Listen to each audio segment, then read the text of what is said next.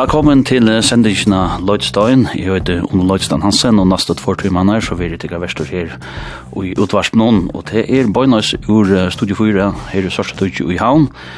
Og det er det gledelig, jeg kan si, jeg sitter ved en øyla snåttligere plate fra en firma som heter Gjerstaslottor, og Han som er øyer seg platene, som er skriver og giver ut, det er Knut Haberg Estsøyen, og han er Øystein Vimmer her i Utvarslånet. Velkommen, Knut. Takk fyrir, Jone. Gjerst er et lukke vi snutt platne. Tusen takk. Tunne fjóra, man holdar uka, som man sier i det. Ja. Uh, og jeg tror jeg har snått litt prata på at det sutja til, men uh, vi som har haft hoa, eller haft høy, lort etter nøysene, er etter øyla, uh, er en dårlig plata. Takk fyrir det. Gå ser du sjálf nok det? Jo, det er alltid jeg, jeg er alltid jeg sjálf at det er en dårlig plata, og... Og vi, vi som har arbeidt på henne har brukt, uh, brukt negativ på at uh, få henne så som, som hon er bliven. Og, mm. Ja, jeg er glad for at jeg sitter her ved en nødkjær blatt og i kjøttene. Det er så pura visst. Det som heter, uh, med som heter gang fyrir på, det er der vi får at um, spela og jøkna sånn ikke platna ikke der og prata om henne og ja, om, om andre ting, sannsjoner og, og det som vi nå er for komme fram av i samband vi uh, viser platen her og, og vi sitter her og live, som man sier, by lies. Um, ja. Så hvis folk er ute og har hod til at uh, djeva så du utkast kommer under kvøve til togjen eller hva det vilja, så, så er vi der og, og vi tar oss sms-kipan og smøyde 2440 og folk er hjertelig velkommen til å skrive inn her. Um, men det er ett spel lukka kunne huxa meg det kan börja vi til det til vi altså första sangren han han kom i huset 2021 Uh, ja, första stärklägg. Ja, stärklägg. 2009. Det är inte en lätt att få oss en platt ut. Ja, alltså het här blev det är några sådana förska plattor som har tidigare lött. Mm. Nu som är komna ut och jag är eller kommer ut nu om det är när. Og det er kanskje imiske årsaker til, men i halte en årsak kan være til å sikta ja, COVID-19. Det var jo flere verskattlander som for og gongt årsaka av tog. Mitt landa hentan her, platan her. Uh, Takk om vi kanskje kommer nærmere mm -hmm. til Jack Fyrische. Men uh, det ble jo lukket som en sånn, en sånn prosess og, og til å ødele for en etkjent hese utgavene, hun er tidlig sin av tog. Mm. Um, Men det första stäcklet, det kom ut i juli i Önsjö, det passar. Det var det som hette Vittlendeborg. Ja. Och så kom uh, han som hette Himnafär i Og heste ja. i 21, og så kom ett stekle i 22, og så har vi så givet 2 ut nu i 23. Og jeg gjør jo snakke andre ting. Um, men nu, uh, nå er den fotla platan, bingo platan, kom ned. Och han skulle så köra de östen prentast LPN nere i Tyskland och och og Theo Ginge upp stas vi tog och som du säger eh, är det snottligt. hadde jo en otroligt snottlig, ja. otroligt glad for henne heter en gatefold. Mm. det en vinyl 140 gram. Och här är allt det vi som ska være, och ja, det är en fantastisk ja. känsla kan man säga. Ja, och som sagt det er ute tid uh, må at jeg er velkomna at gjøre at jeg rukast til sendingen vi sitter og lukka vel knut og senda nasa tvær himmanar at jeg kan skriva sms på 2400 det kan være en kvøa til knut eller det kan være en tankar om snutt i ukavna hvis det er hårstanda og eller bare whatever som man sier at det alltid kærkomme um, Och som jag sa, jag kunde huxa, ja, men du ska ju fejra sig här utgavna nu. Alltså, har skvallt långa nu, har du konsert då? Ja, har skvallt i nästa vecka. Nästa vecka, ja. Kända december, har skvallt kända december i Rensaröjno. Ja. Ta har vi utgav konsert samman vid Bölkjenen, tar musikaren som spelar under, Ice Platten är vi. Och Så er det Concern, den spennende og, og dødelige eh, instrumentalduoen Concern, uh, Mathias Kappnas og Jan Rune Poulsen, tar uh, komma at, at hitta fjöldene opp. Mm. Så det gleder jeg meg til. Og tar som spiller under til Jamer, det er Torlag Mortensen av bass og Mathias Kappnas av tangenter og Per Ingvaldur Høygård Petersen av trummor. Mm. Det er vel så första, men, men i Chile alldeles, det kommer ganska ära konsertströjsen, Ja, og i januar, i halvdet til 20. januar, da har vi denne konsert i Tøting, og så atler vi det gjøre en ære konsert i, i Nyrjunter, mm. uh, i Øysnige Tørskøtta.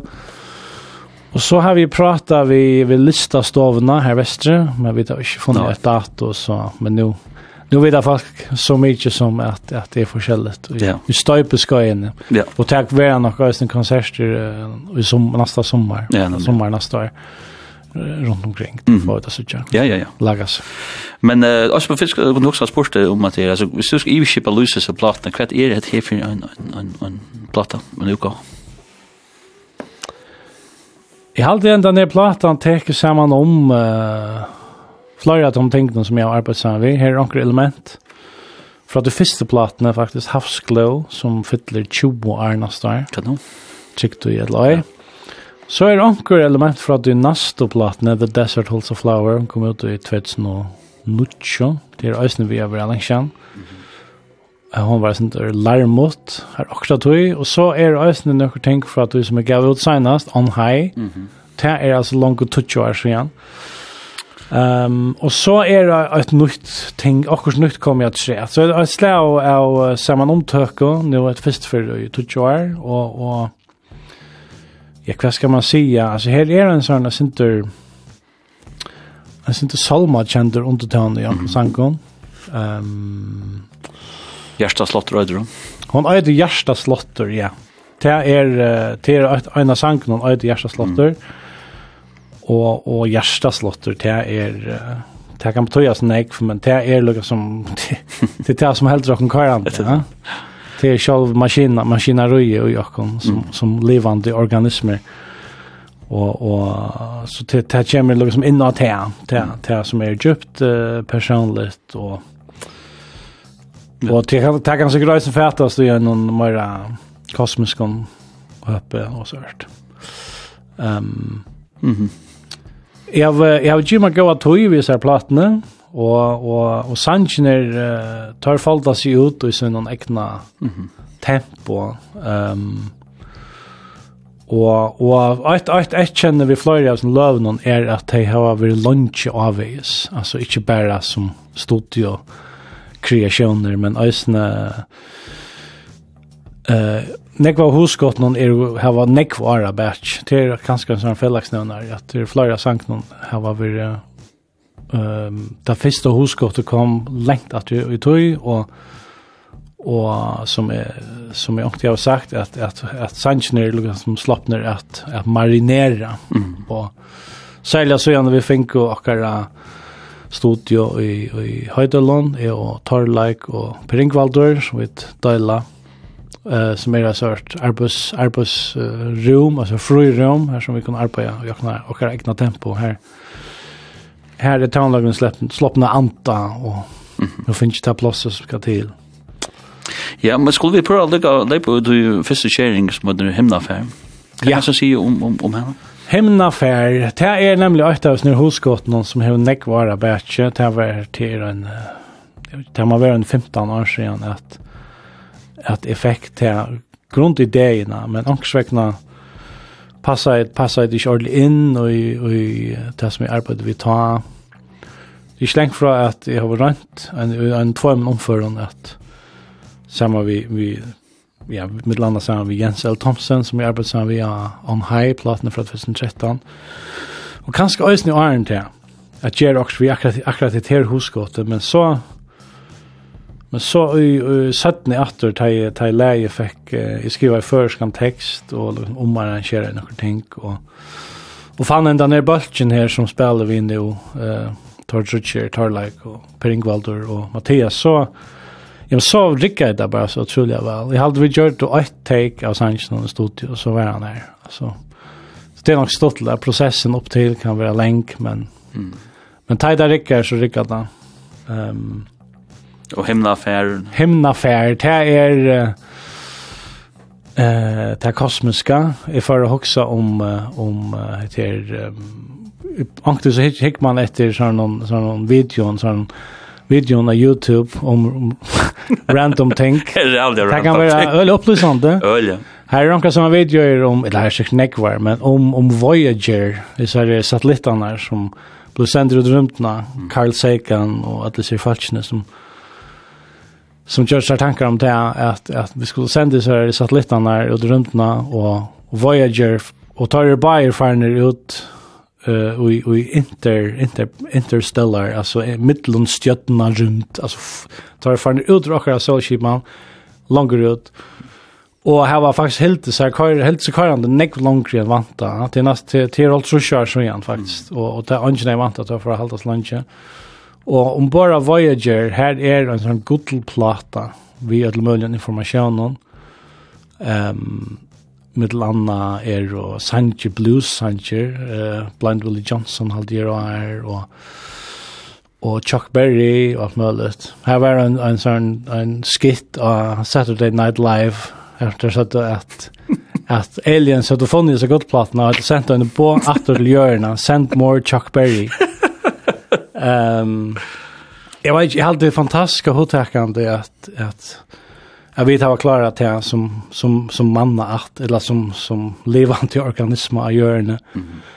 Eh uh, och han kör Carl Carl Sagan som var en astronomer han gör en sån han han uh, tar i 95 någon tar i Voyager haver av stä i länka tog ta övertala han NASA ett långt fram till att jag ber så i bandet att Voyager för liksom vände sig vi och linsene linserna av hjørn och tog en mynd av hjørn. Här som gör den är en evarska evarska evarska luktel blåver prikker. Pale blue dot. Tabla händan i mynden blev ordentligt ikonisk. Och det som Carl Sagan, Carl Sagan säger var att er sånn her evarska luttla evarska luttla sandkottene någon her er jo vit öll mm. støtt. Alt okkara, allt det gåa som vi gjerra, alt det rinka, alt det krutje, alt han og legendjen, alt det øvnei og territoriala struje som gong fyrir seg i hjørne, er oasen her pikka littla blåa, josa blåa, sandkotten, akkurat hvordan meningsløst det er at mennesker skulle leva i nei, og, og dodja i nei, og allt det här och nej som vi gör hur kan vi inte ta och nummer röj gör attention på en annan måte. och Skulle du den höra ögonen här? Ja, och jag hade på ja. en är att uh, ultimativt så är himnafärdig er planeten jorden. Vi är stött av en himnafärdig. Vi är färdig färdig till jorden. Vad gör vi vid det?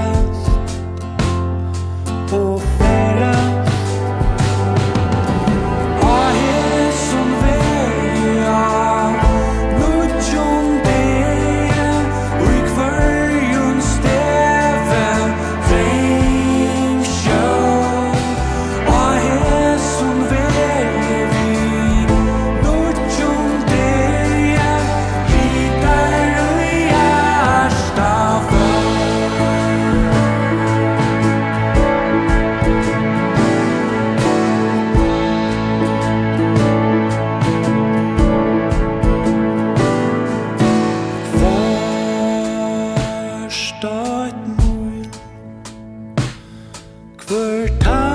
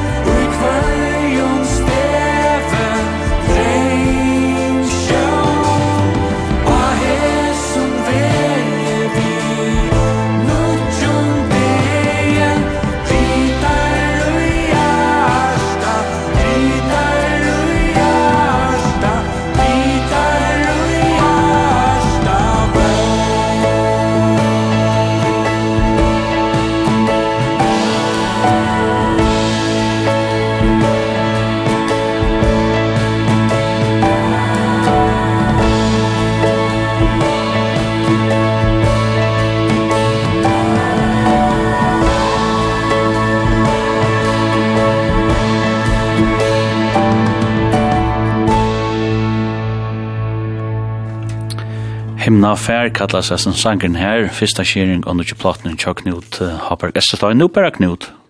Ja. Tyr han brøyting, eller? Det er alltid bare Knut? Ja, ja, så er han til er og ugang okay. kallar meg Knut. Det er også internet og ja. hva du kjøter det mer. Ja. ja. Og hon kallas for Gjersta Slottor og er just kommet ut, en øyla snottlig og um, ja, go platta och vi det som første sangen er en ölig go början han sätter en go on tona. Ja. Man får en go en go chance där kat kat chamber.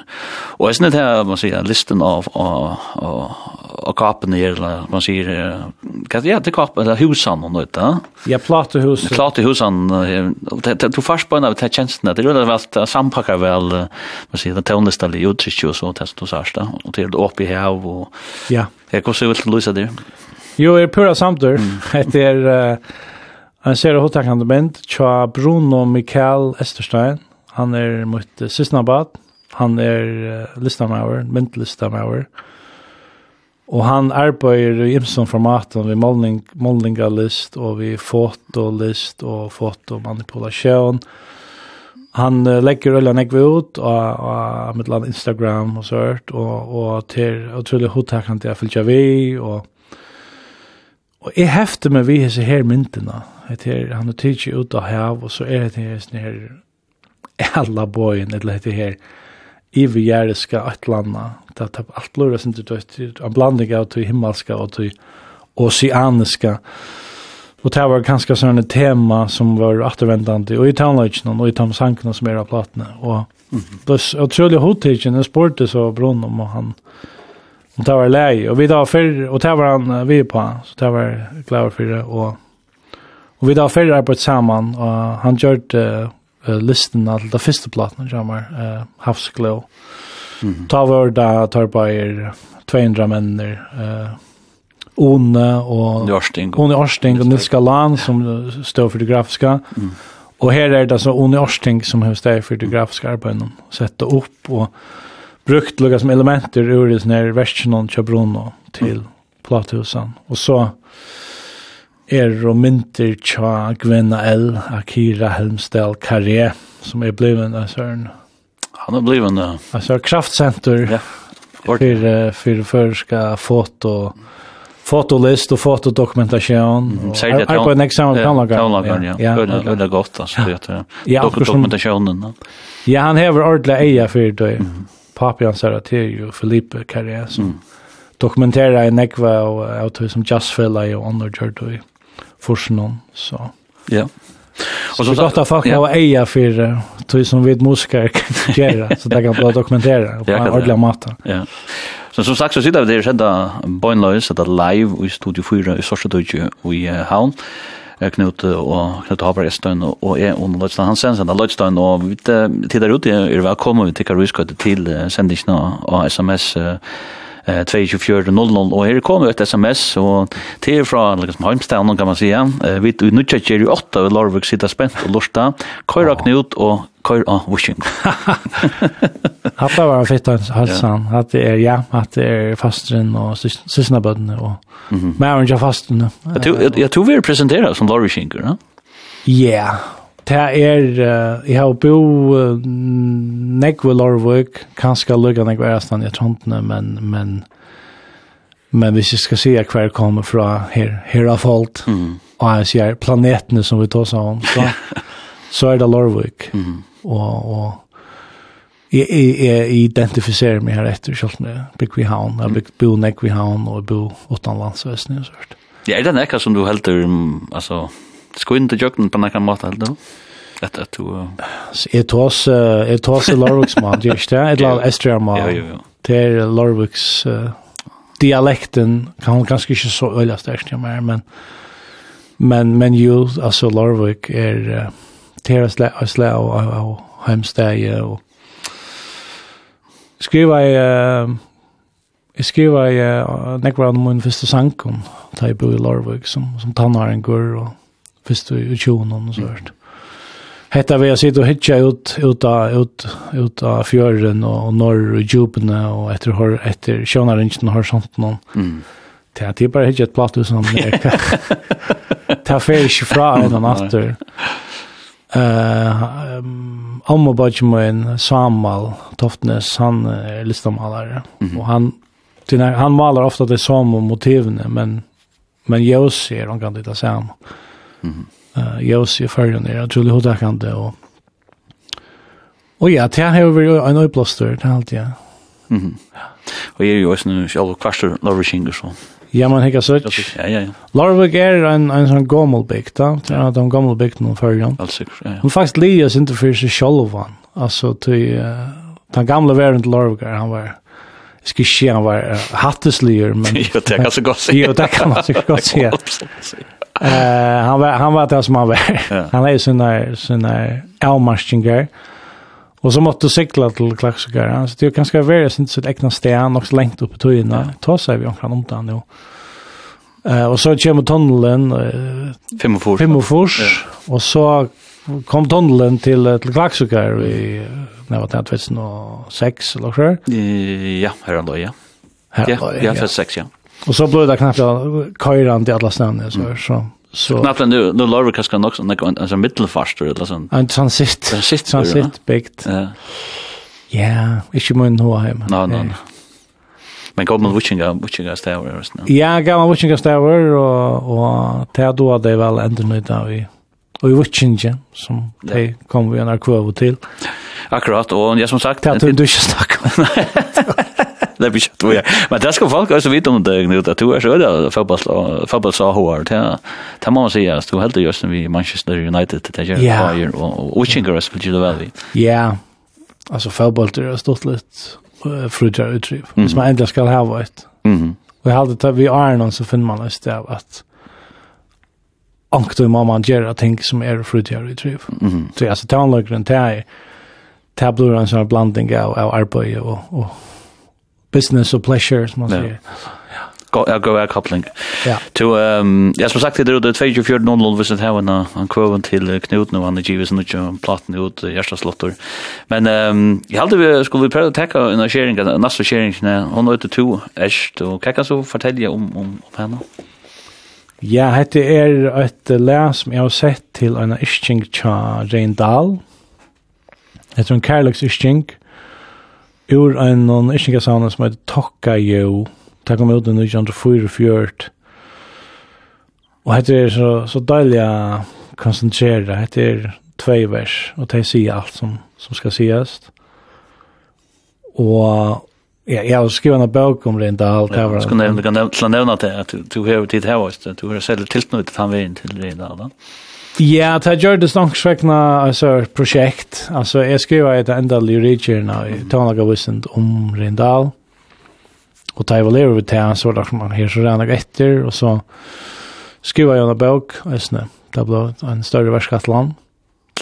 Tøy at uh, han så var vel liksom avsøkt. Uh, Rindal var en sånn, eller flyktigere personer, en sånn, en, en fjakkare, en sånn bohem, en Men hei familie i Danmark og, og vært han som han vær og og og og Istjana Rikvo og skriva en øyla Rikvo av Løvon til uh, skallskap tja førskon i stjern og tja norrlenskon og europeiskon i stjern kanskje anker anstøk ur USA is nu men men men uh, det var det var andre folk måtte lukka som dokumentera det og det var uh, føringar i Kjepmanhavn som var rundan om uh, mentna grundstudentafellagsen som ser du fyrir få en studio av Fredriksberg, ser du fyrir at det ble innspalt, Øtlandan er Rikvan. Um, og jeg, jeg ble øyla gripen av, um, jeg sier sjøven i 1804, da jeg får inn i totalhandelen enn affæra, og det er denne platan her som kommer ut nå, han er kommet ut av totalhandelen, får inn i totalhandelen i 2005, og Og så var det her boxsettet vi rent av 25 fløver. Altså, jeg kom inn der, jeg var... Og det er ganske mest ambisiøse utgaven, jeg skal være, ja. er det ikke det? Jo, i halta, og, og i veve. Veve, ja. Jeg var 25 år, kom, halt, eller 40, kom inn her, jeg er ikke øyne fløver. Mm. Og så, hva er det for nekka, Altså, 25 fløver, hvor er det som fører ned? Altså, hva, hva er det søvende? Mm. Og det ble så en langere, et langere prosjekt. Mm Uh, men oi er snir arbeid noen her som er forelokka som visendalig til verska og og Rani Hedget og altså ut fra tog tog vinkelen og tog tonlaga visendalig kvart kvart kvart kvart skapar et et tonlaskall som som akkurat det her Rendal. Ehm um, og ut til arbeid noen så kommer man sjøen fram og alle mulige iskinger. Mm -hmm. Og ved så, så vil man bare gripe av en iskink, og det er nok så typisk at vi må ta man begripen av av en ischink så smøyer man har lært til. Og det var jo det som Rein Dahl Kjolvor gjorde han læs ischinkar han læs han var en utrolig lisen person når han får nyr av Sorø Akademi som ble onker og Arne Thea så var han jo han var jo sånn og pappa så en prostal og alt det var et ett mentana ett menta heim i havnene han fyrst i 20 ölt Så får han såra och han brukar alla sina toja böcker som här och läser alla tvåst. Mm -hmm. Alla där stora bokböcker, klassiska bokböcker, tyska bokböcker och allt med himmel gör. Och arbetade som konsulent för uh, Guldendal, alltså Löv. Och hej, jag visste inte vi att, att ta han sa en gå wishing så bland gripen och vill gärna göra ett län som ligger till. Men han gjorde öliga kjølt, öliga kjølt när han löd till sina ägnörsningar. Mm Det halt det bara nutch och til han Shalvan som är finnast till Charles som här var lä etter han Shalvan. Och jeg, jag var ju med henne att atlan om å gjøre kvitta men men men tar man så kommer fram och akkur, så så er man gripen.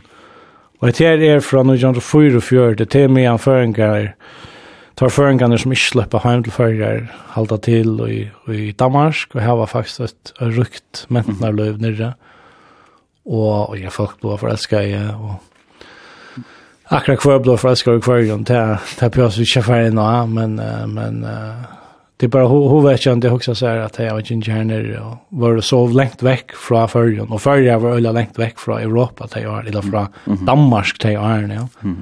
Så det var en øylig rempengar tog i. Ja. Um, Ja, ska prova. Och ja, ja. det bara en workerishing och här är resten där där kosmiska vi vi stackar loss jötnarna som är Venus.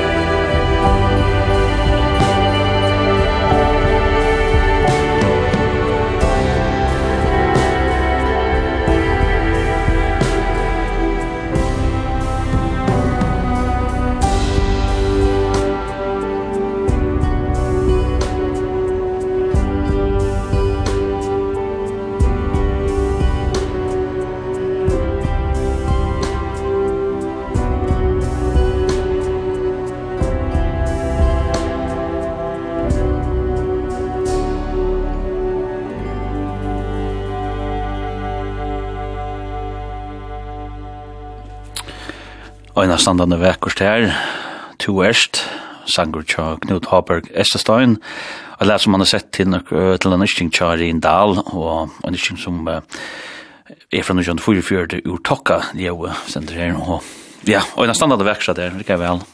Og sånn, man sier jo da, da man lort etter en øyla lekkur framløsla som, som sitter vel til beid og tutt uttrykk, og man har sin hula i gjøtlen, og jeg ser bøy, jeg ser, jeg ser her platene som høyter, hjertaslotter, alt det, Takk for det. Allt just. Ja. Men är det är det när man får på vurst efter att nu har du finner en haft ja tar man fram till att Benjamin och Ja, jag har framlagt. Du från Schalvorsen, ja. Jag har framlagt haft några som du master banna om hände. Och Benjamin Jotter just. Benjamin Petersen är kvar framlagare. Benjamin är väl upptid han gör det alla grundupptöknar och och och tog också upp och vid vårt orkester, ja. Uh, og jeg heier nekvar, nekvar gauar vinklar på det. Så han, han er lukka som K-framlager. Og hva, som, som framlager, du skal framlager til nekna tøvnlager, ofta nekvar like bruka framlager, kommer altså, få seg av seg framlager, så kommer få også av seg fram ut tøvn. Hva er det så færen etter her, altså? Hvordan, hvordan, hva er det du lagt etter? Uh, her er jeg færen etter å gjøre, gjøre akkurat det som är av hotellet det skal være, än altså. Det är den fjärde plattan som jag är som artist och jag har liksom en idé om kvart jag hotla gera. Jag har färd att första plattan jag arbetade sammen vi Allan Tausen, han var producer, la framlägare. Och den nästa plattan jag arbetade sammen vi Boa Alerchne och att det trio var det Jens Ladd Karl Thomsen. Och och Jens var väl upptagen av att få med fram. Alltså kvar är Knut egentligen. Mm. alltså mm jag får något tänk fram och göra smallan och och i den här processen så blir man klokare på hur man vill ha tonlöjna vara och Och så gänga det touch är och så har vi just nek andra ting. Och spalt vi öron värskatlan och balkon giv ut ösne som bäg som eh tangentlögare och som gitarrlögare och som löglodon och producerar och och och så tar man så kommer att och tilta så vet man bara okej. Okay, jag vet vad jag det hotla ger. Mm. Det har en goda känsla och jag snä näka vis när timmen någon att Mattias och Torlike och Per Ingvaldur Benjamin Och så fängde vi dessa fantastiska kår-kvinnorna att säga att det är. Det har du alltid haft faktiskt, eller det har du ofta haft... Ja, det var, det började vi vid On High-plattorna. Det var jag och Jens som kom fram till det. Vi skulle ha några ordentliga gospel, förediska gospelnamer, alltså inte kan man kalla kan man säga så. Ja, det är alltid absolut. Halva där. Eh och Tärfärna blev det två systrar och och tar sina barn, eh Dorstea Høyker Dam og Jensia, systrene her. Og, og så tar jeg siste bad, som er Ølva Dam Isheim. Um, og, men, men uh, Jensia, altså syster Dorsteo, hun bor i Grønland nå, så det var sånn høylig å få henne vi og hesa platna. Så vi gjør denne kombinasjonen, og det var så Dorsteo Høyker Dam, og Ølva Dam Uisheim, det var vi senast, og så var det sistrarna i Per Ingvalde, Jensia Høygaard Kjerbæk og Ingrid Høygaard Petersen, og så vi er en Per, Johanna Sofia Petersen.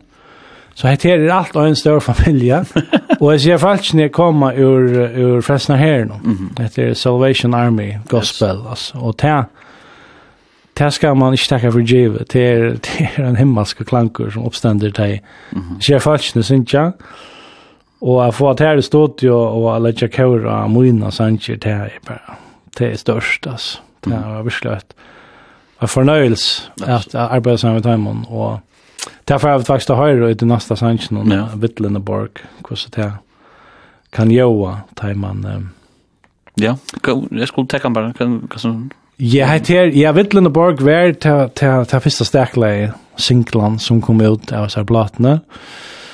Og det er klart å si at nu av døren så skal man helst ha et størst fyrsta le, at den första Sinkland skal gjerne kunna noen ting, og det kan det snir sangren, alt er sjående relativt, men jeg kan kjøtt stafeste at det er blev uh, ta mest uh, spalt uh, sangren Jammer, alltså han som för flest uh, strömmingar, mm. plays, allt det blir så jag nu skick nu då. Allt ligger vi uppe till till outtälling, det är en moj, men det är snägg över stickor det Men här er han väl omtakt sanker och Atter en av sina hosgått noen som tog och rævla länka tog. Då tog han länka tog å få ett her hosgått till verlaga. Og, och hette var den första sangren som kom ut, men detta var den sørste sangren som blev livr. Og det var han så stått ut. Jeg hej alla hinner framför firmar. Okej, okay, hetta vi platta, men er som hette för tungt. Det är synd for tungt. Att man börja.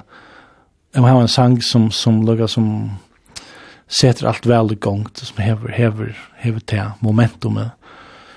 Och det blev snär sangren och det var ja, en otroligt dålig känsla litt höjran liten Hva liker du i Vittlenborg.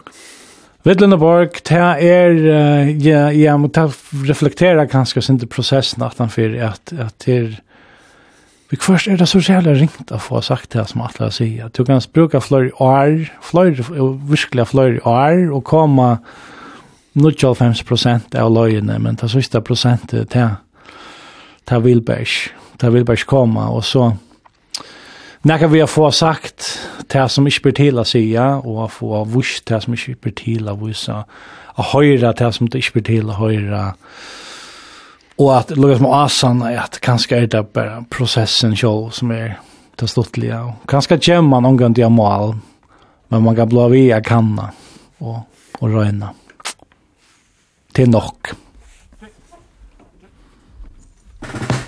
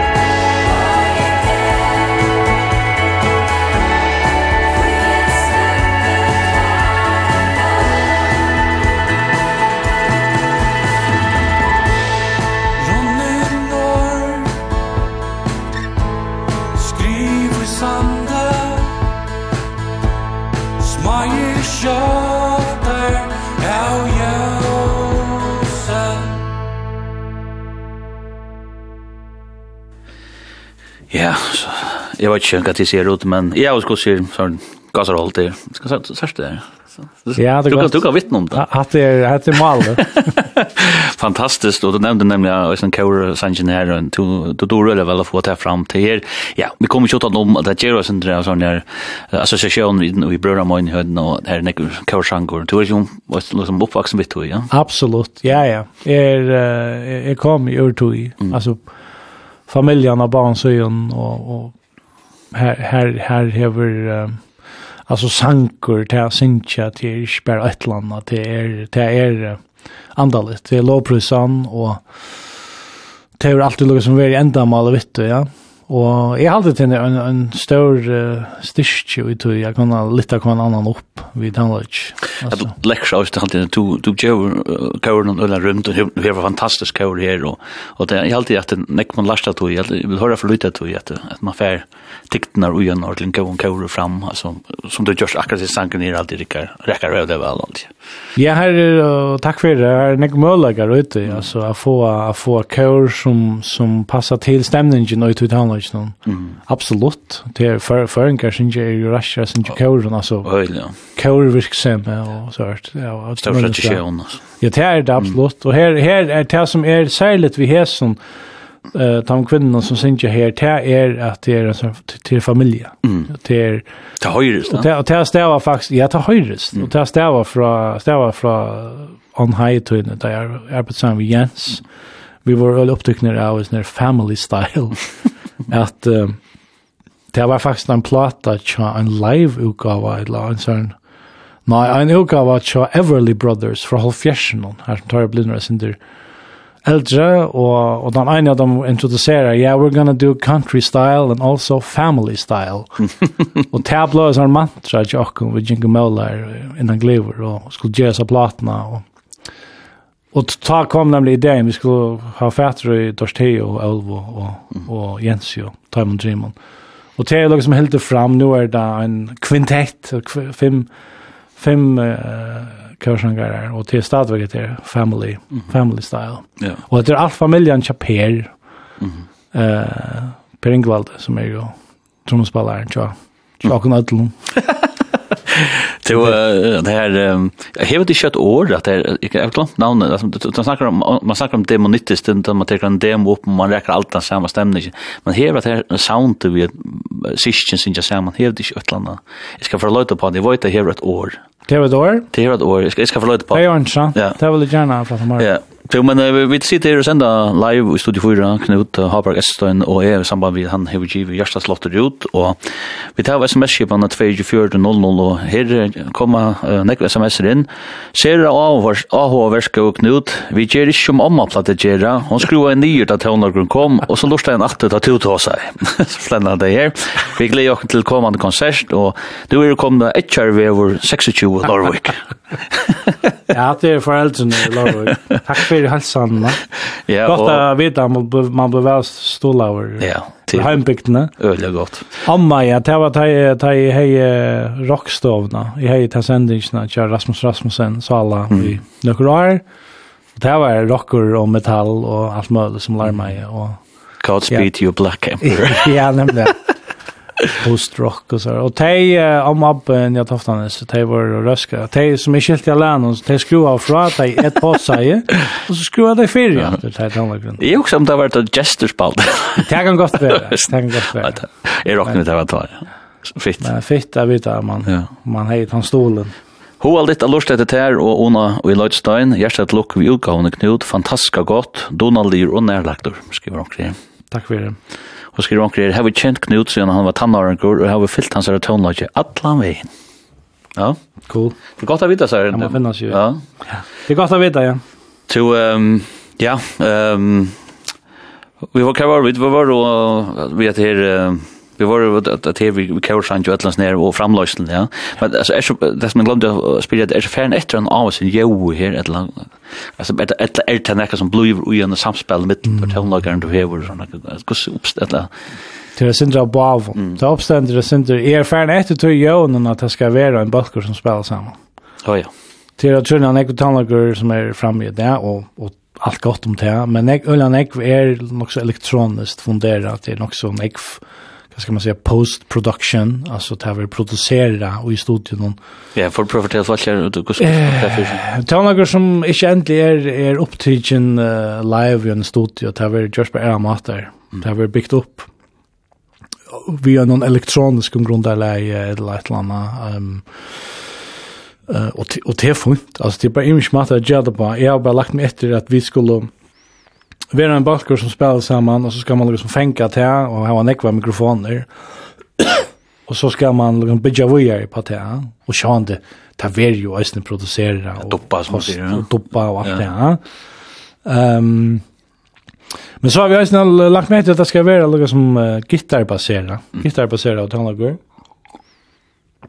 Och och jag hade här är några elementer ur sån alternativ om tonlage uh, halvfemsene og nekva at som jeg vaks opp vi som, som tannharengur som jeg dyrka i årsaka med ja. det er live det ja.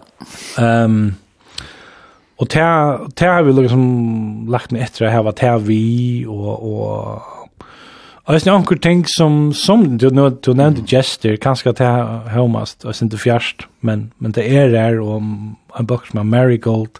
Ja, det var det den första boken eller? Ja, det var den första or ja, det var den första boken som som hej sen där sen de fem minutter, og gjerne, er privatsändning kan man si.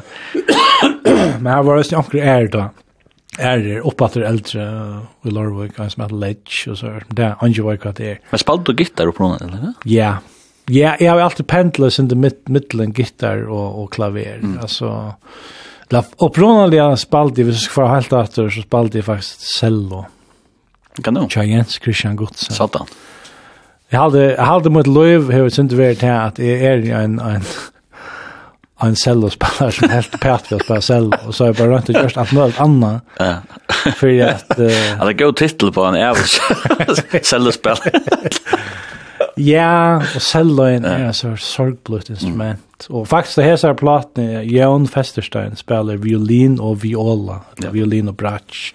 Bratschen hävrar just nu. Mm det sorgblad han den här myska sorgblad klanchen. Mm. Men jag spelade själv och han tog det var men så blev det tannarengor och flyttade till Danmark till Aarhus och fick komma gänga en öron, öron skuld fick han helt annan lärare och tär tärka i körde det var inte samma kemien. Mm. Som Jens Christian och heter Nekvar så han heter mm. Tretvar så. Men så gänga gänga ett år eller två och så köpte jag en elgitarr. Mm. Vi var og nøkker og, som kjengte flotch sammen i Aarhus. Og det var en musikkhandel som hei kø til på. Og her var fem ting som var ordentlig bøylig. Altså, det var en forsterskare som kostet 5 kroner, og en gitar som kostet 30 kroner 45, kassagitar for 20 kroner, altså. Og vi talte dere fram til, hvis vi fem, nei, vi fyra, hvis vi er lett dere utenfor, og sova bare, åtta för enda handeln. Så släpper vi först in. Och halde tricket vara vid vid låt och kom tvär nätter och. Alltså om kvöld höstkvöld för att släppa in först lejer morgon. Eh uh, och gick vi åttonde flotch eller Fantastiskt. Ja. Så låt vi dock ner och och även åtta och hade otroligt stort lätt att prata av och och hade med packa vi så här. Och så får vi den kjøpte, og jeg kjøpte en en kvittan Arja Pro 2 som ständrångstan i en. Och så var det hem en elgitarr och så kjøpte jeg en bulla forsterskare, förstärkare och snö ta ta vi över 15 år. Och så skrev jag min första sang. Lärde mig trutjar eller fyra akkorder där som wow. Hetta hetta ger okkust. Och hetchnar var sånn, Kirk Cobain och och The Doors og alt det. Mm -hmm. Jimi Hendrix. Jeg hører Jimi Hendrix, det var som... Mm. -hmm. Apropå era planeter, han, jeg vet ikke hva han kom fra. Nei, jeg vet ikke hva. Nei, det er, det er ikke spørning. Ja. Men um, ja, to, um, vi prata, og, og så sier han, og, også ganger, um, Hjärtslottor nästa sharing. Hjärtslottor. Ska nå alla sansen där det. Ja, här är Det är lugga, jag ska lugga alltså se att att vi bränt alla in jinglen där hon där vi börjar sent i 100 mot drunkan hänt för. Jag tar så i alla jinglen. Okej. Är är toss på. Yes. Hjärtslottor. Ehm Hjärtslottor till höjdslöja platna. Eh, jag tror att klar för hur jag snär sjankren ända vi avera. Ehm um, Han har løsende progg utter alltid. Han får lyst løsende driver progg, sørt. Han får det av Pink Floyd, og, og at han tog ikke tog at dette er, vi drar ikke i yes-territoriet, men her er stått til C-styrke, her som han skifter sin dor, og og her er en mok solo, som er og Mathias og Per Ingvaldur og Teitur Lassen spiller. Vi, vi vil gjerne ha en mok solo, og Og Adler, Adler åtta lukka som turn, spalda han solo. Benjamin, han enda så via klippa en sån super solo samman som blev en sån sammansett solo simpelthen. Och hon rikkar så, hon rikkar så otroliga va. Så det har nok stått lite så va. Det är väl skickat att det spalda kursen av solo i det. Ja, vi spalda kursen av solo, improvisera och i en bok, en dölja en bok sen så här tja. Mattias. Och så klippte han det samman till en sån Super solo. Så tack om folk lust efter. Vad kan så säga om jag annars som Sanchin alltså? Eh, Jasha Slotter, han uh, Ja, han, han handlar om kvärt kvärt er hem för näka. Mhm. Mm hem är ju stä, hem är en chans apropå tid och lassen home. Mhm. Men kvärt er hem. Det är att vara samma med dem som man älskar, dem som man älskar. Mhm. Först och främst. Jag har bott några stan. sted. Og ja, sin hjärsta slotter, allheims anta drottor. kjenne kama rypo ur enda som dype. Det er en sanger som jeg har arbeidt på lunch, og til lekst at han er ute, og han er, han er høytesle, og han ser blått. Mm. Skal du prøve den her? Ja.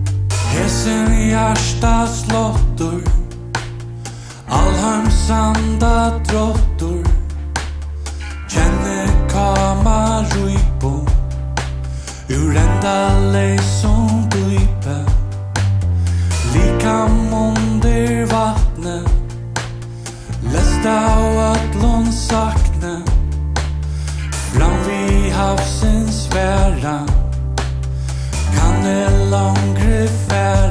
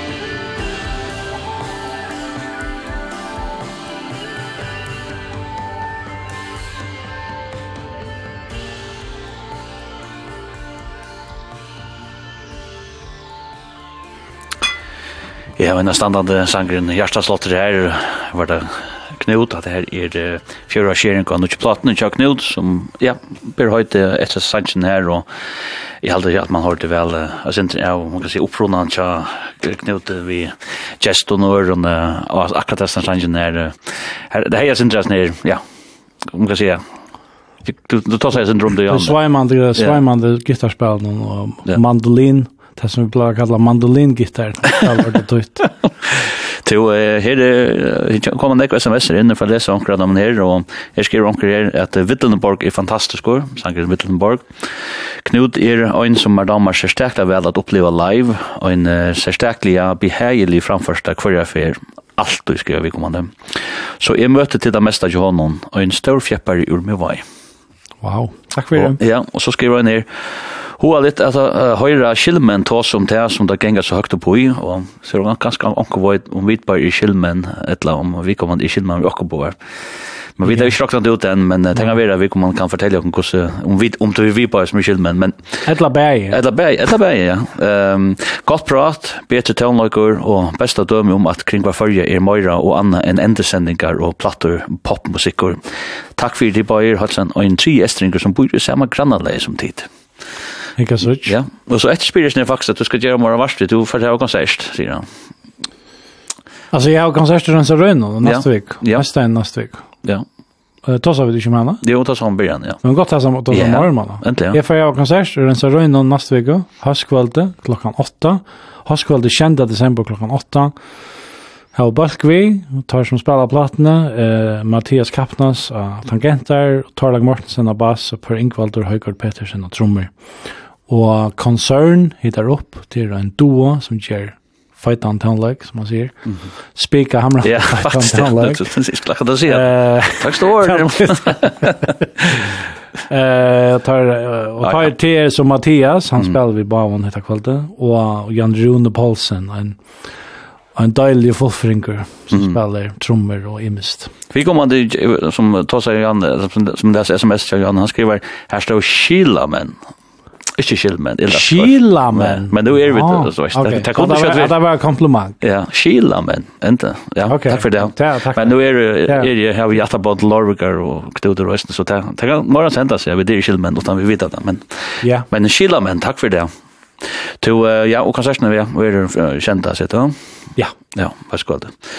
To ja, og jeg jeg har faktisk også så jag finns ju liksom händer och när det där kvöv och till så här eh nu plattan chat där som jag alltid är öland väl skriva till att ehm ehm ska man att också läsa den upp och jag ska tone legally missing missing ja tone legally missing we lorvix fire missing det är ja nu borde pappa mig vara Ja. Det er det er det ikke det streimer i skifter. Jo, det må det være. Vi kan lukka slå det opp. Ja, vi har gjerne kan bytte. Har vi har gjerne kan bytte.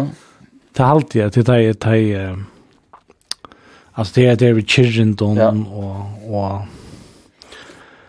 ja. Missing. Right. Det blir så sorts storbryggar men. Her er så strejmor sender er om uh, tändring och fotla sol. Ah, okej. Okay. Ja. Herraste strömmar. Nu skulle jag, nu sägs, okej. Okay. Ja. No. Herraste strömmar om tändring och fotlasöl. Ja. Wow. Flott. Ja, og så skriver vi gående om til er og i avgjør skiftande sjåavfattelen noen etter hjertaslotter til Tøymon som har sitte vi heve er å finne, vet jeg ikke. Knut er oppvaksen og i gamlare førskar i utrørabygd. Slik stø hever heve alltid alt å sige, og en størstlig en vujvattler bæg i øden og lagn. Her er bæg djevor og tekor. Lorvishingren Knut Haberg Estestein, som tott skriva i onkrar mila tilfære, eller onkrar mila tilfære, bæra djevor og nutju ukavne, hjertaslottor. Nutju lø er av ukavne. Vi det vera som lustarar fortjela vi løvun, utsettingon, framlagslo spæle og sanje av ovast og hitt. Nærlagne og kompetansa sprutjer ur kvarjere er rillo.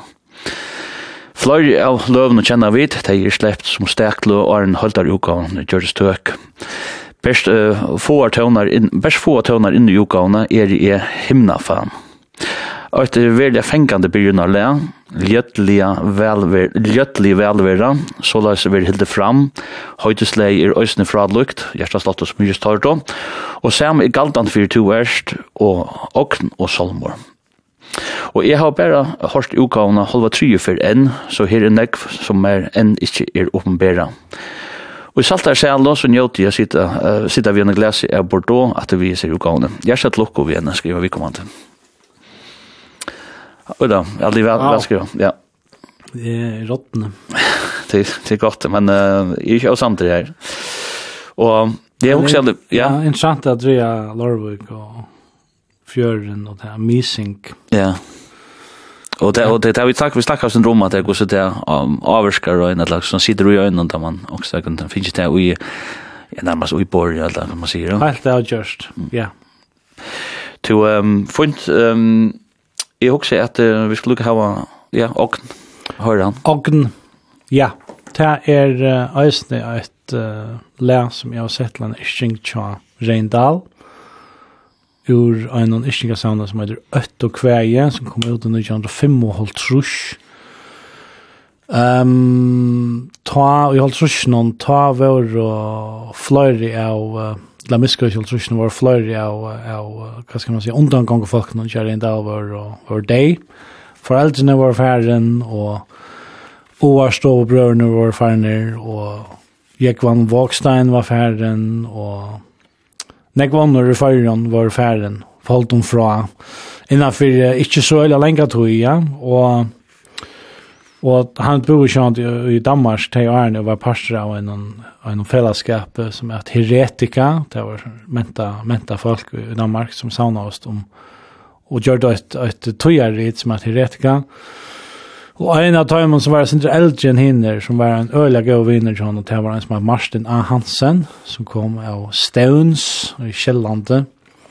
Martin A. Hansen, han var så hört ordentlig så. Han var som de var och gamle er tog, så jeg har opplevd å ta det han var han var denne, så att som daner var och daner för 200 år sedan. Och var det dörr och en stor filment och jag slä av, jag slä av färger för goda kanske snabbt. Men det hendte til at Martin Hansen ble alvorlig sjukker og døyr. Og det var ösnig en, en dikke smøyter for Reindal. Og så just skrev han heter, Øtt og Kvei. Og jeg har faktisk tver Ischingar ur Øtt og Kvei her.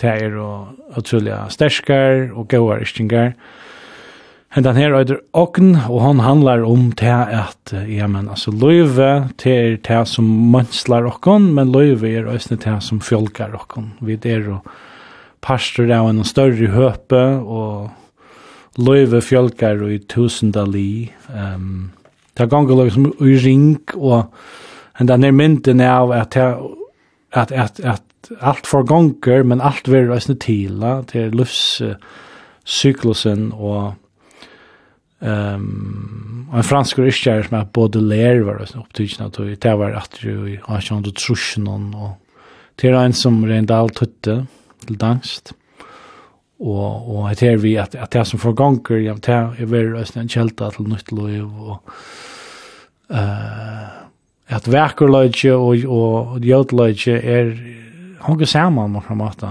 og hvor er det atskilt det verkra og det jøta eller det han skrev, Baudelaire skrev jo et det inte sånt som et uh, Le Fleur du Mal, eller også önskapar dina blommer, eller sintarna blommer, og var faktisk början til modernismen av första sönnen. Um, så att det heter en otroliga, och en av sina som som är bare pura gripende gripen och George lät till. Og och er så stärkla glad for hvordan vi, hvordan vi er enda vi at, jeg lovte, så han kjenner hvordan han bare arrangerer vår og opptidgen og alt det, så. Ja, kjøper jeg.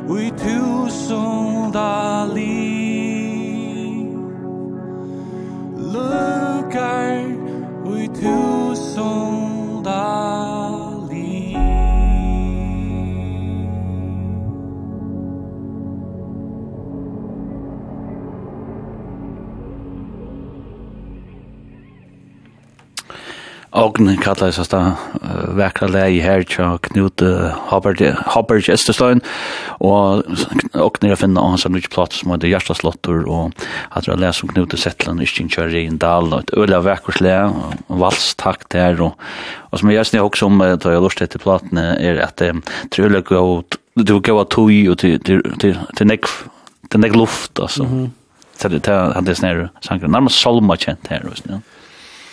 Jo takk, det hade er røysene så som som uh, vi da har lagt okken etter, som jeg har lagt med etter. Mm. Det skal være plås og luft og lönen skal slippe anta og, og orden i røysene. Mm.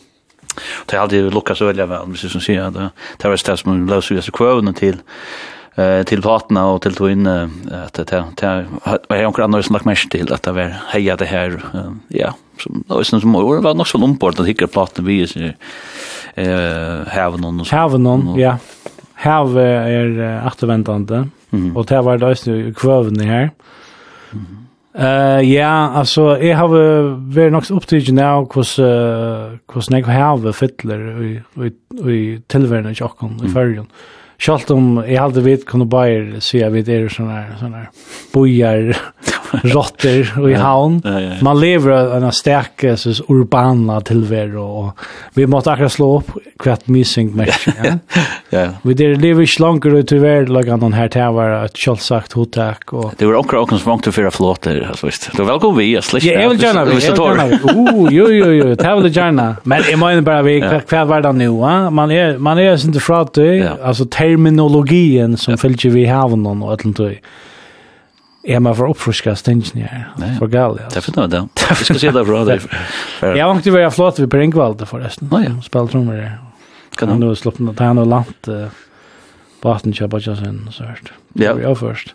Ehm men nei, det som jeg skulle säga er at heve, Mm. Den er sangren, han øyter vid såt vid såt vi heve. Simpelthen, ja. Her som jeg skriver årene i Østene, og, og Jeg ble bare, jeg bare ble nok svegna til vid av rom, hvordan tatt vi der og på havet til, til oceaniska i førjen, oceaniske deie, til skriva i William Heinesen, Oceanic Days.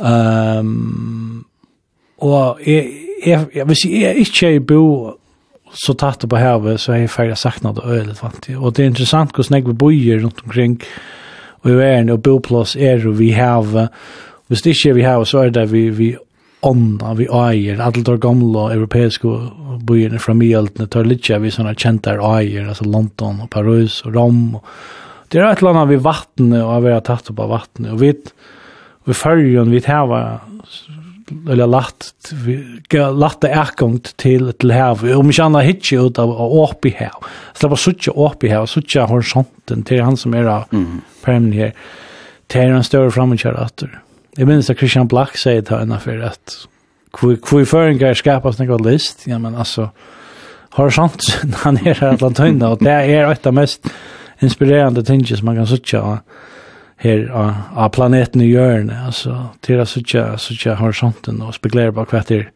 hva det er hinne mena. Mm -hmm.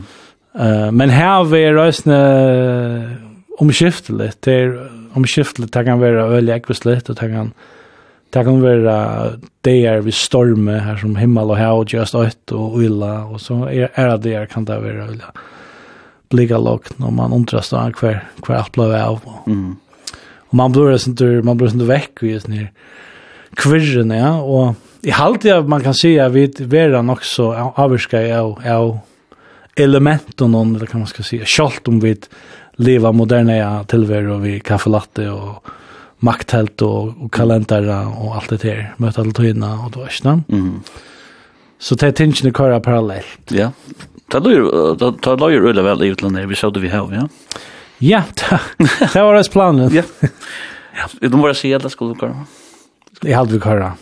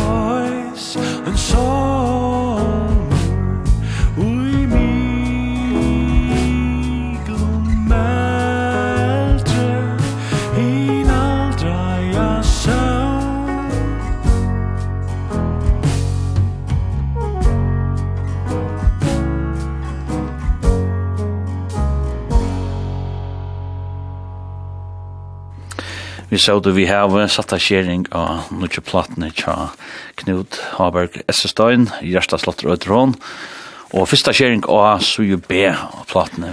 Nettopp, vi der kom til å gjøre Suju B, godt, godt å si det. Ja, ja vi sitter, vi sitter vi snart i platene her, og vi der vi har spela en jukna og tog hon flyr der og og vit hava trutja sanjer etter enn så og vi skulle halda seg noa allar og det tekst lukka tei eh uh, SMS på kom in her.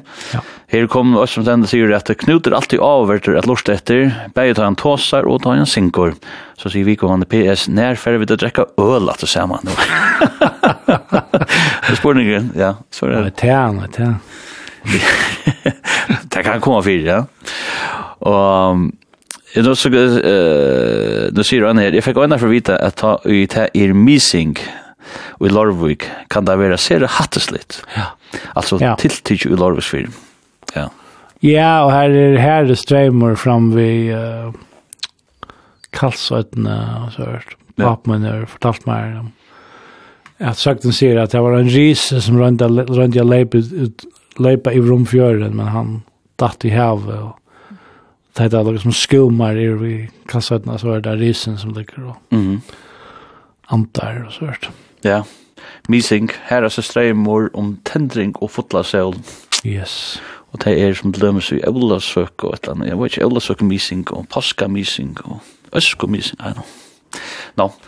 Um, Ja, vi skulle ha en, en bar ute i 24.00, vi skal rønne noe av det, men vi tar trutja sannsyn vi gjerne vil spille, og sånn, det her var kjøtt alt, jo, jo, men det tog en gang kjøtt. Så vi kom til ja. kjente skjering, Salmor, etter han.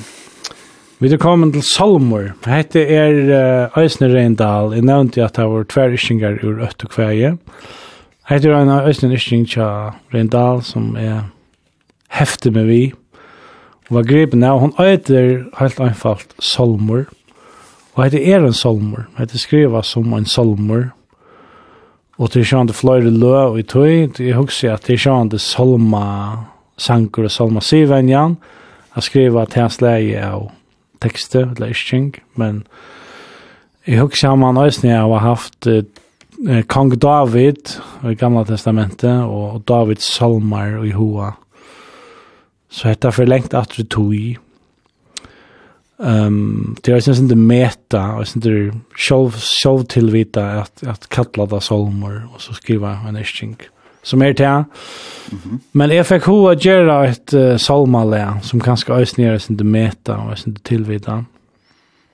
Og et som er dagen vel vi i skallskapen og kjører dal, er maten som uh, godstrykk kommer til kjent der. Hun er utrolig vel lust, og ja, det er etnast vel til, til, til skalskaperlige er noe som intakt, kan man si, ja, og Ja, så Salma Sivajan er jo ruik og på, på utrolige merchajan, skallskapet, eller hva man skal kalla det. Det er nek godt, altså. Det er, det er en grunn til at det er å leva så lunch og oppkjøk noen tøyner, her, folk er valga som tidsta til seg inn. Og, mm -hmm.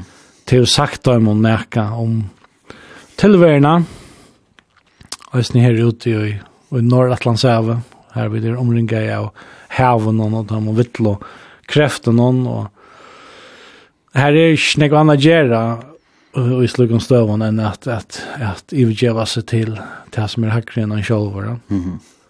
Ehm um, Och här är det här kördamnar vi.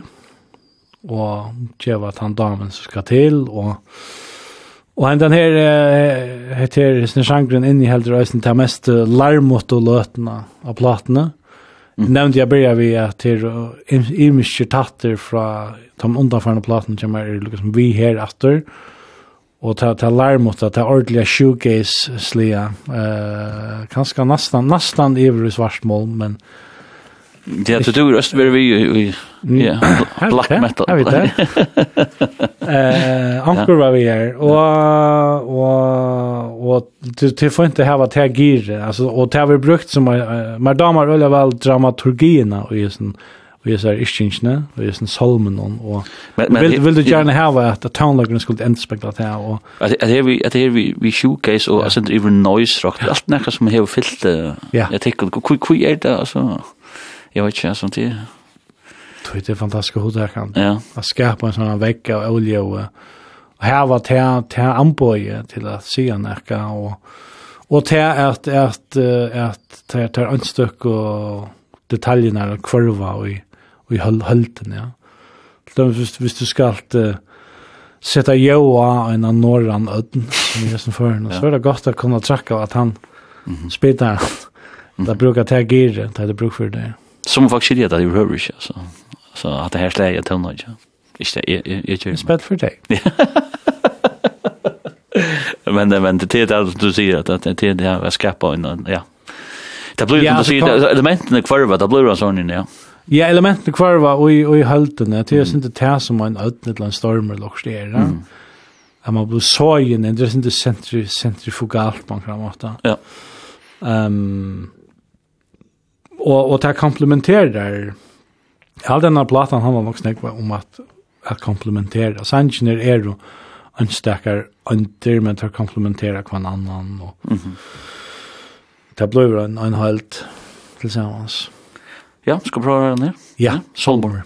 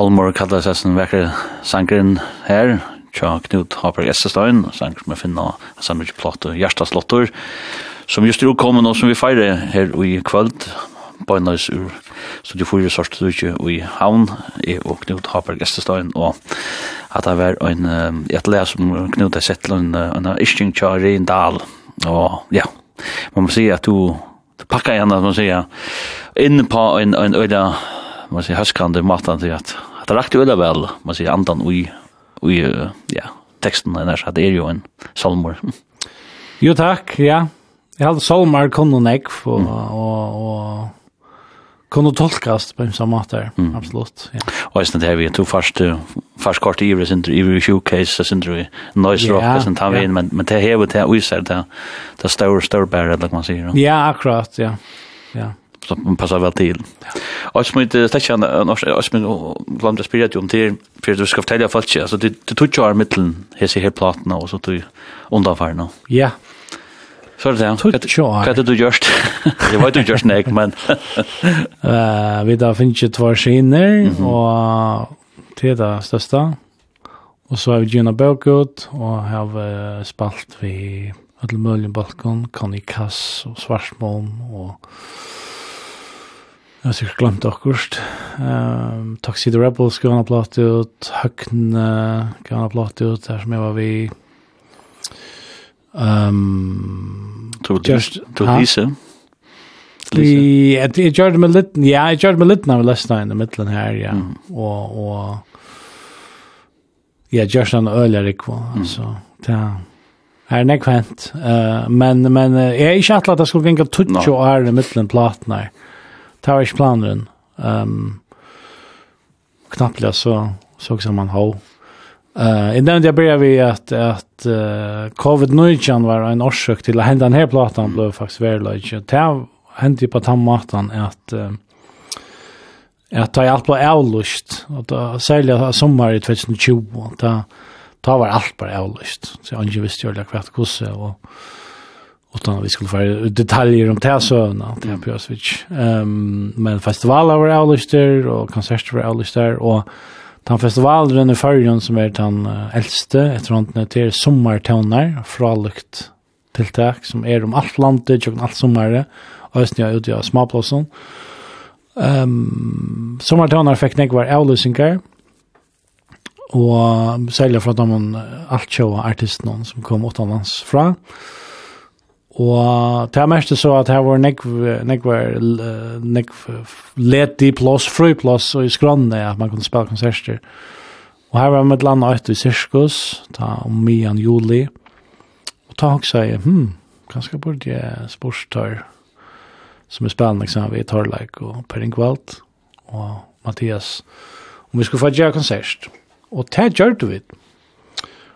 Og det var først for, og bare det var først for en tro eller fyra år, at jeg spalte som knut, spalte med egen sanger, det var liksom, det var en sånn roste som skulle bankast det av, og Men det gikk vel, og det var fullt hos i syskus. Ikke sant, det er ikke risa størst, men det er alltid godt og intimt, det er folk komme, og, og det var en ordentlig, en døylig oppleving. Så spalte vi nekker konserter, tre til heste.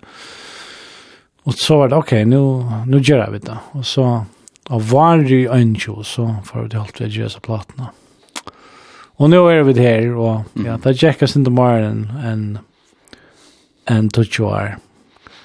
Men, jag också, men, jag också om jag skulle göra så är det jubileum för typ last, men jag hade jubileum är att utgöra och nutja plats.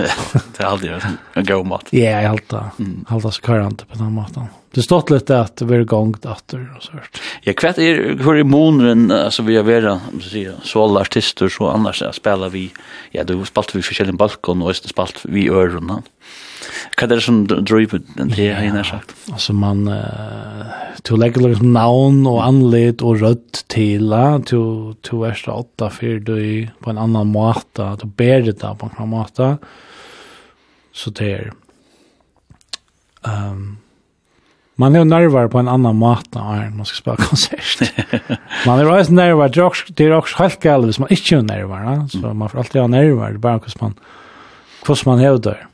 Men er det nekka, du veist, det som vi, at, altså, er det nekka som du, du vil ta ut, vil ta ut, eller hvordan er det vi sånn, er det nekka som bildet opp i det? Ja, det er sanger som, altså, jeg har, som jeg nevnte, jeg har skrevet sanger siden jeg var 15 år, mm Sjønt, jeg vet det sinde mer om sangskriving og om tonelike i det enn da jeg var 15, men jeg bytte meg inn at det er sinde det samme, at Ja, hva for akkurat er, det ger mig gott på några mått att att att skriva sånt mm. och Ja, och det också man kanske är det nog att handla till världen att mer. Men damer vill jag väl lustigt och jag så kommer jag var ner här i mm. Udvarsby att tar som om talag till öron, ha? Minst lika ofta. Men men uh, jag vet inte, jag har det här och jag vill gärna skriva sancher och Mm. Och det det är snäga man för bara alltså ja det var så så det kan vi du du kan slasha någon låt det fast i rörslack där kom det skriva att alla sanger eller hur ser det ut Mm, hur ser det ut du? Det är ett element av chessem i uppju, ja. Och här är det så där telefoner, jag kan förhålla smartphones. Man var minst lite chess. Man ska lägga chess, jag syns inte. Men, men, men det är att få en sångskrivare, det är inte, det är inte sört. Mm som John Mozart. Det är klart att säga. Han, eller han, og i mynden av Mozart var han var bara så här godomligt geni och så datta bara ner i höttjon. Det är inte det. Det är, det är arbete. Du måste sätta ner arbete på särskilt hvis du ska skriva en text eller skriva ett lära eller komponera och kurs. Alltså det är annars maten till jämna brosjur till vi att, att arbeta. Mm. Och arbeta också med vurst. Um, men men på ankrsvegna ja gosse kjem dalt in er er det ist som för ner måste nog nicht ist gun chare all hat der sätter gång då ett land eller det onkt gosse ja Det sett ja där sätter gång ett land ofta er där man sitter vi en gitarr eller vid klaver och baxas vi och spelar arbetar vi og och til till og då här är der hentar smartphones du kan ta göra demopptökare av telefonen ja. Vi har nog snackvar demopptökare av all möjligen Ehm så tar det är där så, så må man... fänga den. Så fänga den, ja. Så loftar man då och så kan man vente åter till det. Vad var det hatt det var for nekka? Akkurat. Vi det har var två sanger, och ja, tog in hon, och ja. renner, men eh, jeg også stekker den som heter Nøye soul. Nøye Sølen. Nøye Sølen, ja. Jag tror det klarar för jag. Är det sagt med heter Soul. Det får bara all in. Eh... Ja, alltså nu har vi snackat sen om David Gospel och Solmar. Men annars som är damer och troliga väl, det är psykedeliska. Men damer är psykedeliska inte handla. Ja, kvatt. Ja, det är allt från Beatles och Beach Boys där har det var ordla längt. Mm -hmm. Så det trus någon och till Velvet Underground och allt det här noise. Uh, och jag som har visuellt uttryck. Um, det psykedeliska, ja, vad ska man säga? Alltså, det er bare noe som er, som er uh, litt rukt og jeg synes det er ivgjærligst og, og spennende. Det er imse veier til, til euforina. Mm. Um, og kanskje er det et hint av det psykedeliske og et cover ja, ja. når vi er litt, og der, mm. litt spennende. Og jeg har bare hva at, at gjøre en sang som var ordentlig psykedelisk. Altså bare jo i tekstet og i tonelage og hvis nere hever det sin til tæen, Uh, Sintur halvfemsara stemninger. Um, ett orkester som jag har auditionet jeg Spirit, Spiritualized. Han som heter Jason Spaceman, kallar han sig. Han var vid Spaceman 3 och Next Art Hair. Uh, och så är det en ny Solen det er jo jeg sørt. Det är så hotak ur Solomon, ur nekon, nekon, Kristen Solomon och Att han är jag gör chansen så kommer vi tankar om att att Kim Simonsen han gjorde upp ett Ishingasan som att nej Sölen vi sist noll någon alltid tvätts och sex tjej eller hur. Och Johanna var det han vill gärna se och som var verkost och komma bort från postmodernismen och jag femsen var alltså öliga ironiskt och och den ironiska distansen och man kunde se näka som var bara ärligt och verkost men det är vi så kommer fram till nu och det kommer vi gott. Mm. Det meta modernistiska här du pendlar i till det som är ärligt och verkligt och så det som är postmoderna ironiskt och helt frastöna. Jag skiftar mitten på något. Jag har ju kört hans ryska han i hoa men men alltså inte inte textualiteter han fungerar så han är där och han säger att allt det är Och så kommer vi åter till om om rithøvndren er deir, eller om han er livna og oppatter og sånt. Altså, du tar seg vid. Om, ja, gott det. eh, nå er jo sølen, jeg held bare at det er cool, og Det er en kærleksisting, en psykedelisk kærleksisting. Mm -hmm. Og jeg tror jeg er glad for det etter hvordan jeg er ble realiseret. Ja. Skal vi prøve da? Ja.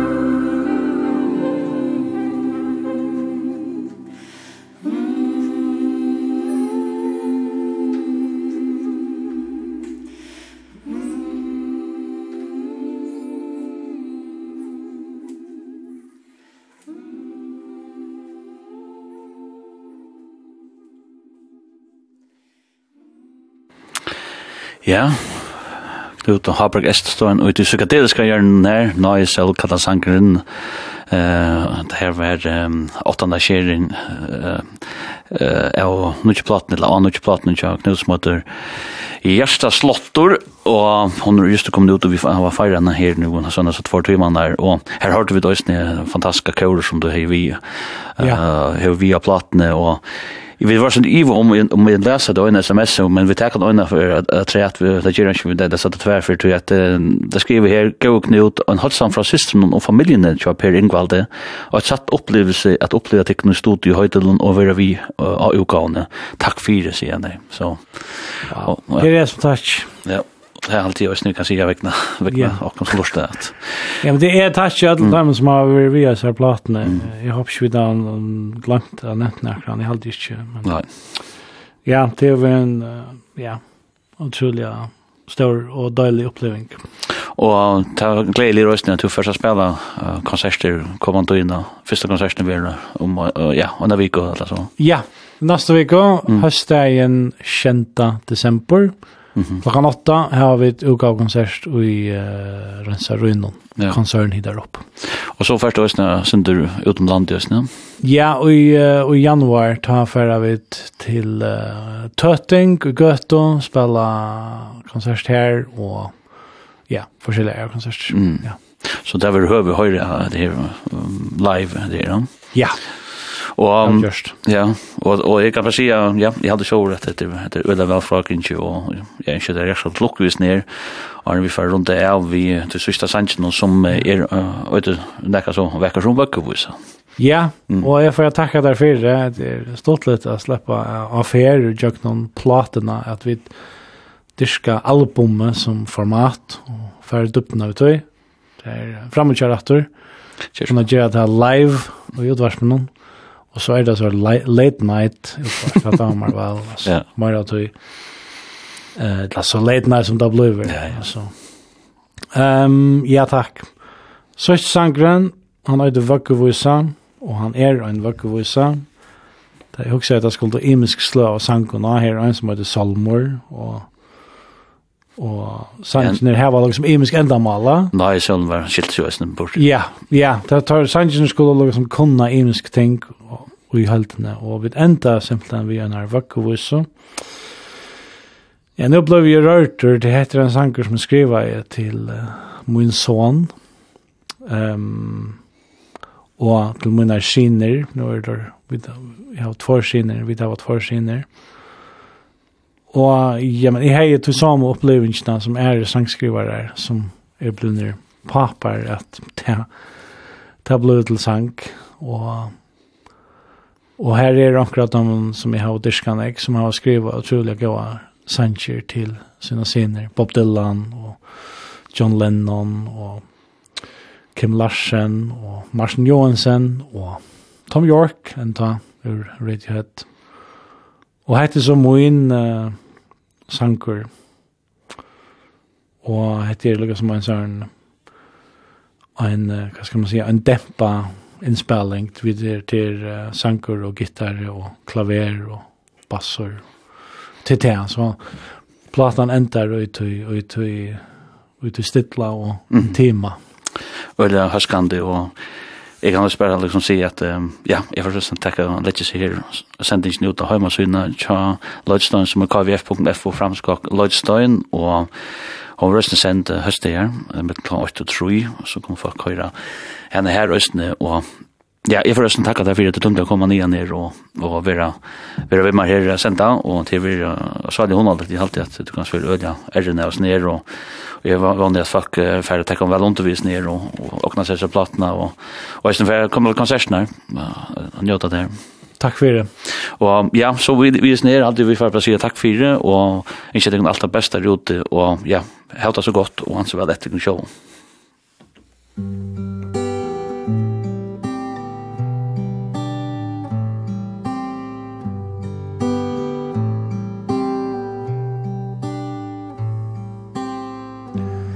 Velkommen lortle mor Ein kvaktur dreymur Alt det som eia ser Ein nutjur heimur Ter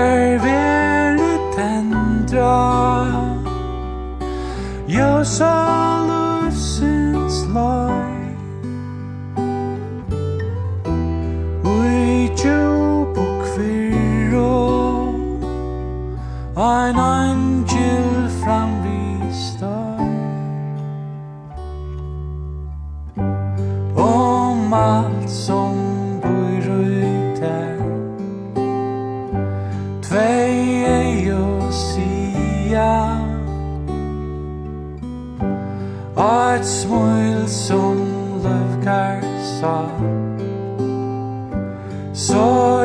Estalia